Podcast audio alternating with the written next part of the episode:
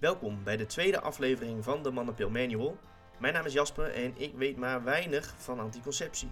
Vandaag zit ik tegenover Camille, die na een lange tijd pilgebruik tot een bijzondere realisatie kwam. Daarnaast hebben we het ook even over seksuele voorlichting en de dingen die wij daar misten. Camille, Hi, welkom. dank je. Dankjewel dat, ik er, eh, dat, je, dat je hier aan wilde schuiven. Ehm, anticonceptie. Ik moet zeggen, ik ben, eh, ik ben, wel, eh, ik ben wel vooruit gegaan sinds de laatste aflevering. Oké, Ehm, maar ehm, jij hebt een vriend. Ja. En jullie gebruiken condoom. klopt. Hoe is dat? Ja, het is prima. Het is saaier dan als je het zonder condoom doet, Ja. de seks. Maar het is wel in mijn geval beter. ja. Want je zat hiervoor aan de pil. Klopt. En dat was eigenlijk niks. Nee, ik heb 12 jaar, dik 12 jaar, de anticonceptiepil geslikt. Hoe, welke, welke leeftijd ben je ermee begonnen? Eh, nou, ik werd heel vroeg ongesteld. Ik was tien toen ik ongesteld werd. En ehm, eigenlijk had ik al direct last van hoofdpijn. Eigenlijk wat dan vervolgens migraine werd. Koorts, heel veel pijn door de krampen in mijn buik en in mijn rug. Dus toen ben ik rond toen ik een jaar of elf was naar de huisarts gegaan. Met die klachten. Ja. En toen eh, zei de huisarts eigenlijk al direct van... Ik schrijf je de anticonceptiepil voor. Want die kan je doorslikken tijdens eh, je menstruatieweek. En dan kan het zijn dat je minder klachten krijgt. Oké, Ah, ja. dus met, met doorslikken bedoel je even voor mij. Doorslikken bedoel je dat je niet binnen die. Dat is toch een week of zo? Ja, klopt. Dan normaal je word je, ja, normaal word je om de, om de maand ongesteld. En eh, heb je een stopweek binnen je anticonceptiepil. Dus Juist. dan slik je even geen pil. Ja, En dan word je ongesteld. Maar als jij de pil doorslikt, zoals ze dat noemt, dus gewoon de pil blijft blijf doorslikken, doorslikken. word je niet ongesteld. Dat houdt dan gewoon je ongesteldheid tegen. Dus dan ga je niet bloeden. oké. Dus dat, dat deed ik. En dan slikte, ik, of dan slikte ik één of twee keer in het jaar even de pil niet. En dan werd ik dus heel weinig ongesteld. En dat hielp ook wel redelijk tegen de klachten die ik kreeg. Ehm, toen ik begon, toen had ik heel erg ondergewicht. Dus toen kreeg ik nog een speciale pil voor, voor meisjes die eh, nou ja, de normale pil zeg maar niet aankunnen qua hormonen. Want eh, je valt af van een normale pil? Of? Eh, nee, helaas niet. Ja, je komt aan van een normale pil, toch? Dat ik kan. Daar, daar, ja, daar zijn de meningen over verdeeld. Maar ehm, ja, wat voor een pil je slikt, kan met je gewicht te maken hebben. En dat was dus bij mij ook zo. En de eerste twee jaar, drie jaar ging het eigenlijk wel oké. Tot ik dus gewoon op een normaal gewicht kreeg. En, en dus ook vervolgens de pil die eigenlijk over het algemeen bijna alle vrouwen gaan slikken, ging slikken. Oké, En ehm, nou ja, ik kon me eigenlijk niet herinneren dat ik geen migraine had. En eerst was dat eigenlijk altijd alleen rondom mijn menstruatie. Dus dan wist ik, oh ja, ik, word, ik moet eigenlijk ongesteld worden nu. Eh, maar dus dan kreeg je migraine en dan wist je, oké, het is tijd om ongesteld te worden. ja, En dan stopte je ook met de pil? Of nee, dan slikte ik hem wel door. Want ik was heel erg bang dat als ik eh, zou stoppen, dat ik dan nog meer klachten zou krijgen. Oh, want dat was natuurlijk mijn ervaring Tuurlijk, ja. eh, die ik als eerste met mijn menstruatie gehad had. Ja, En vervolgens kreeg ik gewoon bijna wekelijks migraine. En nou ja, daar ben ik natuurlijk ook voor naar het ziekenhuis geweest. En ik kreeg, ik kreeg daar hele zware medicatie voor doorges, eh, voorgeschreven. Zeg maar medicatie die mensen krijgen als ze het aan hun hart hebben. En, eh, nou ja, best wel iets wat je niet zomaar wil slikken. als zeg maar het antwoord op jouw migraines. Ja. Oké, Ja. ja, oké. Nou ja, en dat heb ik zo'n eh 12 jaar, 10 jaar zeg maar volgehouden. Totdat ik op een gegeven moment steeds meer van andere eh, vrouwen in mijn omgeving te horen kreeg dat ze gestopt waren met de pil. En dat ze minder last hadden van hoofdpijn, minder last hadden van mood swings. Dat ze gewoon veel, ja, zich veel meer zichzelf voelden. Wa- waar- waar- waarom, waarom was dat? Was het gewoon een toeval dat je toevallig vaker hoorde? Of was het echt een soort van... Nou ja, ik zat Dingetje. natuurlijk wel heel erg met die migraine in mijn hoofd. Het, het belemmert gewoon heel erg je leven, vooral als je het bijna wekelijks hebt. Dan, ik was op een gegeven moment echt bang om gewoon een nieuwe baan te gaan starten. Omdat, ja, je, je wil niet in je eerste maand, of überhaupt het eerste half jaar eigenlijk, wil je niet zeggen, ja, ik kan niet komen werken, want ik heb migraine. Dus daarom ging ik me daar steeds, maar, steeds meer in verdiepen. En ook omdat de medicatie die ik er tegen slikte gewoon zwaar was en daar eigenlijk ook gewoon graag van af zou willen. En nou ja, terwijl ik daar dus steeds meer mee bezig was, kreeg ik steeds meer het gevoel van, hè, die pil, wat is dat nou eigenlijk? Waardoor ik me ook ja, meer, erover, meer over ging lezen. En toen kwam ik op een gegeven moment, ik weet even niet meer haar naam, maar een vrouw uh, die doet hier in Utrecht aan de universiteit onderzoek naar uh, de anticonceptiepil. En uh, die, die, die omschreef eigenlijk heel mooi van we vinden het heel raar als mannen aan de anabolen gaan, want hormonen en slecht voor je, mood swings is niet normaal. Maar we schrijven wel jonge meiden een anticonceptiepil voor waar ook enorm veel hormonen in zitten en wat eigenlijk ook helemaal niet zomaar oké is om te slikken. Ja. Dan dacht ik, oh ja, dat is eigenlijk heel erg gek. Dat ik eigenlijk al een groot deel van mijn leven dat slik. En dat er nooit eigenlijk iemand is geweest die dat komt controleren. Hoe gaat dat? En ook dus als volwassene wist ik eigenlijk niet eens. Nou ja, ik, ik zeg hoe ik ben zonder anticonceptie klinkt misschien heel zwaar. Maar goed, hormonen heeft, heeft, ja, die hebben gewoon invloed op hoe jij bent. Ja. En toen begon ik aan een, uh, bij een nieuwe, nieuwe baan. En toen was en ik was daar zo van moe en chaotisch in mijn hoofd. Dat ik op een gegeven moment in de badkamer stond. En toen keek ik naar mijn anticonceptiestrip. Uh, en toen zag ik dat ik dus al vier dagen lang mijn pil niet had geslikt. Gewoon okay. omdat ik het gewoon moe was en vergeten was. En ja. toen dacht ik, weet je, dit is misschien een keer een moment om te stoppen met die anticonceptiepil. En kijken wat dat nou met me doet. Want je bent er ook zo weer, je kan het ook weer zo weer opnieuw gaan slikken als het niks, niks blijkt ja. te zijn. Je hebt het liggen. Precies. Ja. En toen bleef mijn migraine weg. Oké. Okay. Dus toen dacht ik zo van, nou ja, misschien is dit toeval. En na twee maanden had ik nog steeds geen migraine gehad. En na drie maanden nog steeds niet. Dus toen dacht ik, ja, dit, dit moet daar wel mee te maken hebben. Ja. En in de tijd dat ik nu de pil niet meer slik, dat is nu een half jaar, heb ik twee keer migraine gehad. Terwijl ik dus hiervoor bijna wekelijks migraine had. Serieus? En nou ja, kijk, ik, ik kan niet zeggen van hè, het, het is dat en andere dingen kunnen geen invloed gehad hebben op. Maar het was voor mij zo duidelijk dat het de, die anticonceptiepil daar wel iets mee te maken moest hebben. Ja. Dat ik, nou ja, dus nu besloten heb om gewoon niet meer die anticonceptiepil te slikken. Snap ik. Ja. Kan ik me wel goed iets bij voorstellen. Maar nu, um, ja, nu, nu, nu daar heb je daarvoor gekozen. En nou, dan moet, ja, je moet toch, want, uh, op het moment dat je stopt, zes maanden geleden, toen had je al een vriend. Ja. Dan moet je toch, toch gaan nadenken van, ja, ik, uh, ik wil nog geen kinderen met mijn vriend. Mijn vriend wil misschien nog geen kinderen, weet ik niet. Maar je moet, dan ga je nadenken over anticonceptie. Je bent nu ge, gekomen op de condoom. Ja. Andere vormen van conceptie, heb je erover nagedacht? Ik heb daar wel over nagedacht. Nou ja, je, blijft, je hebt andere vormen, maar grotendeels van die vormen zit ook weer gebonden aan hormonen.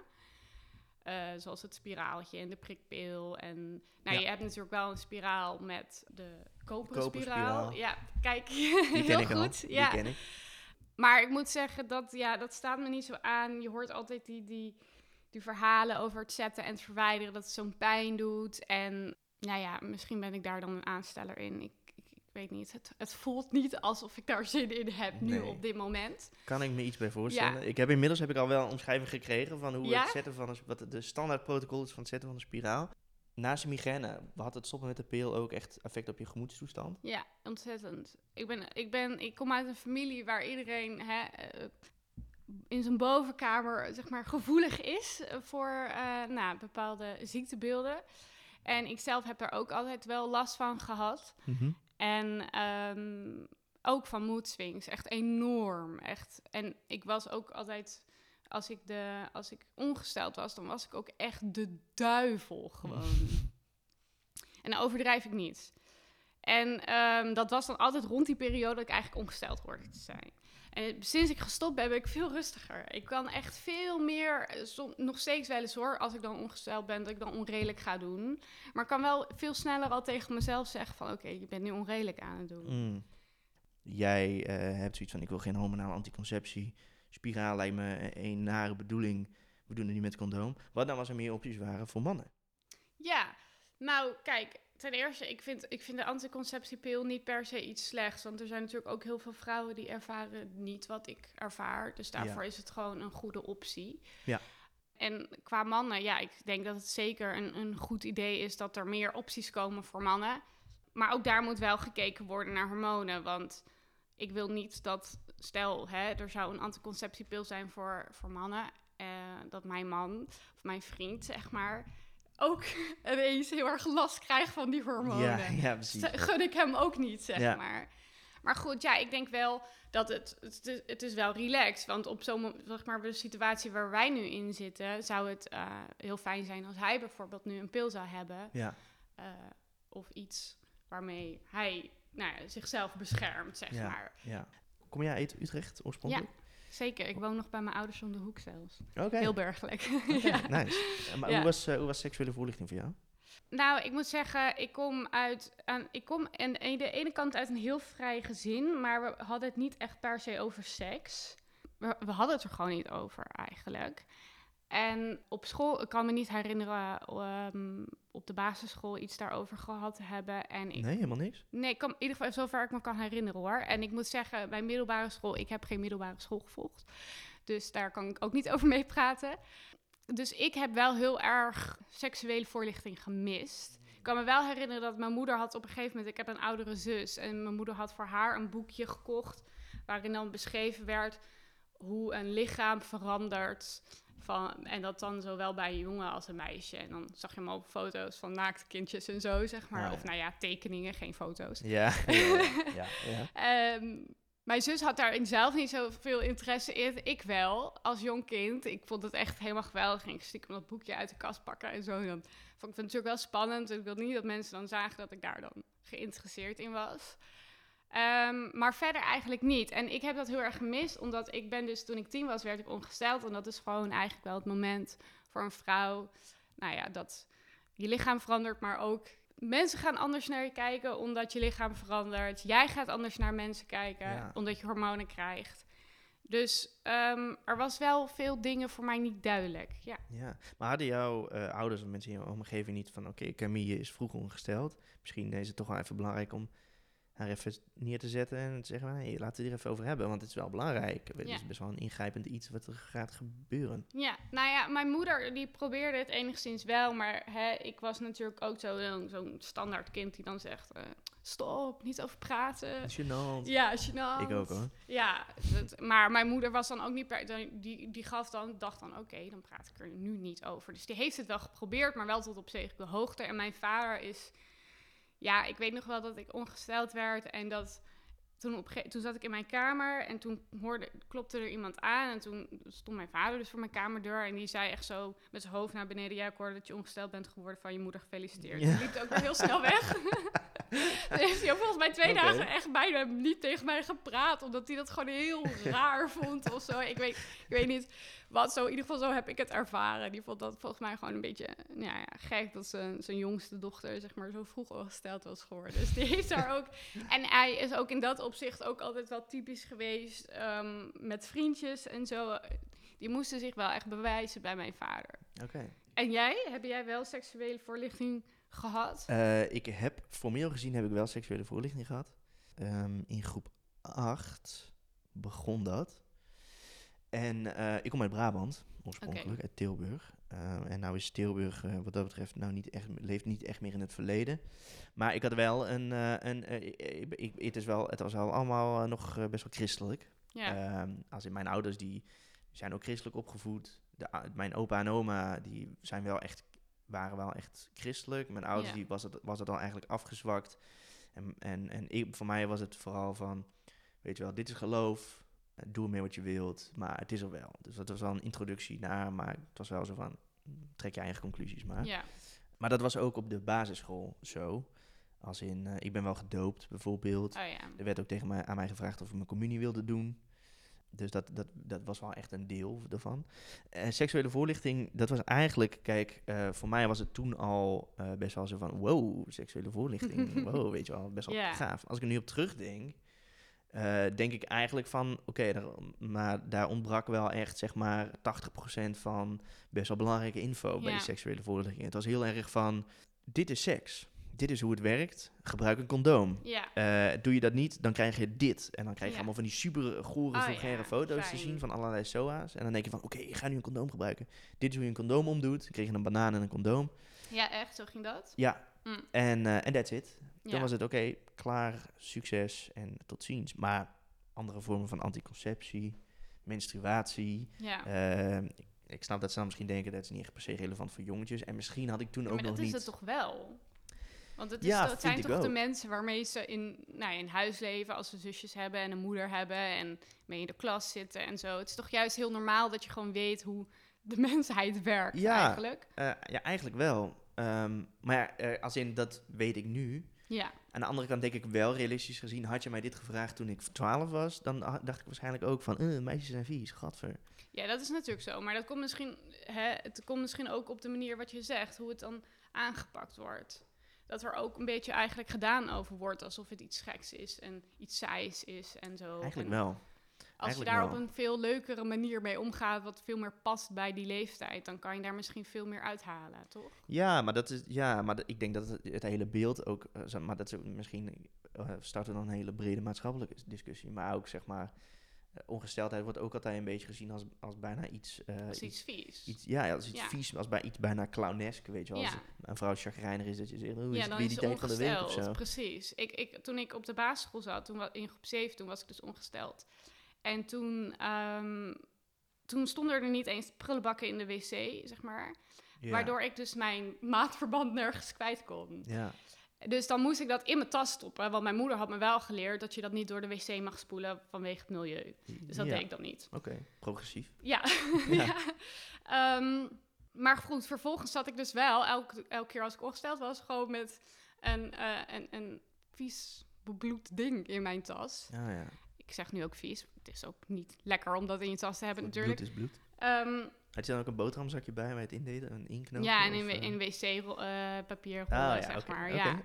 En toen heb ik dus op een gegeven moment tegen mijn moeder gezegd van ja, hè, ik moet dit wel ook. En toen moest mijn moeder dus naar, mijn- naar, eh, naar mijn school toe om te zeggen van hey, kunnen er niet gewoon prullen en dat prullenbakken komen. En er, die school, mijn school deed daar ook best wel raar over. Terwijl ik weet zeker dat ik niet het eerste meisje op die school ben geweest die op die leeftijd ongesteld is geworden. Ja. Ehm, dus het feit dat de school daar niet eens mee bezig was, is eigenlijk ook gewoon heel erg raar, vind ik. Ja, ja, op de, ja, op de basisschool. ehm, het- het- eh, Ja, bovenbouw basisschool. ja, precies. Eh, Weet je rond, de- rond de 12, 13 is Ja. het toch een beetje de standaard. Ja, zoiets volgens mij. Ja. oké. Gedurfde uitspraak, maar... Volgens mij, ja. Nee, dat is gewoon een hele normale leeftijd. Dus voor, Ja. voor meiden ook. Vooral als je 12 bent, 13 bent. ehm, om gewoon ongesteld te worden. Dus ik vond dat, vond dat bijvoorbeeld... Dat is, Ja. Maar dat vind ik dus ook een stukje daar al van waar het dan ontbreekt met die hele voorlichting. Het feit dat je dus niet eens je matenband ergens kan ingooien. Ja, in het toilet, maar goed. Dan ben je ook bang dat het gaat verstoppen of zo. Ja, dat wil je ook niet. Nee, Nee. Dan, dus ja. Eigenlijk begint het daar natuurlijk dan ook wel weer Ja. in dat opzicht een beetje. Ja, want daardoor krijg je dan als meisje misschien ook het gevoel van... oh, het is inderdaad vies en raar. Ja, Want ik kan het niet eens ergens weggooien. ja, en dan is het ook eigenlijk vies en raar, omdat je feitelijk gezien toch een bebloed ding in je tas aan het Precies. meesleuren bent. En dat wil je ook niet, want dat, want dat is gewoon vies. Vies en raar. Ja, precies. Ja. Dus daar begint het eigenlijk al. En dat vind ik gek. Wat eerder beginnen met voorlichting over menstruaties en anticonceptie is dus misschien geen slecht idee. Deze kennis is volgens ons namelijk belangrijk voor iedereen, of je nou man of vrouw bent. Bedankt voor het luisteren naar de Mannenpil Manual. Tot de volgende keer.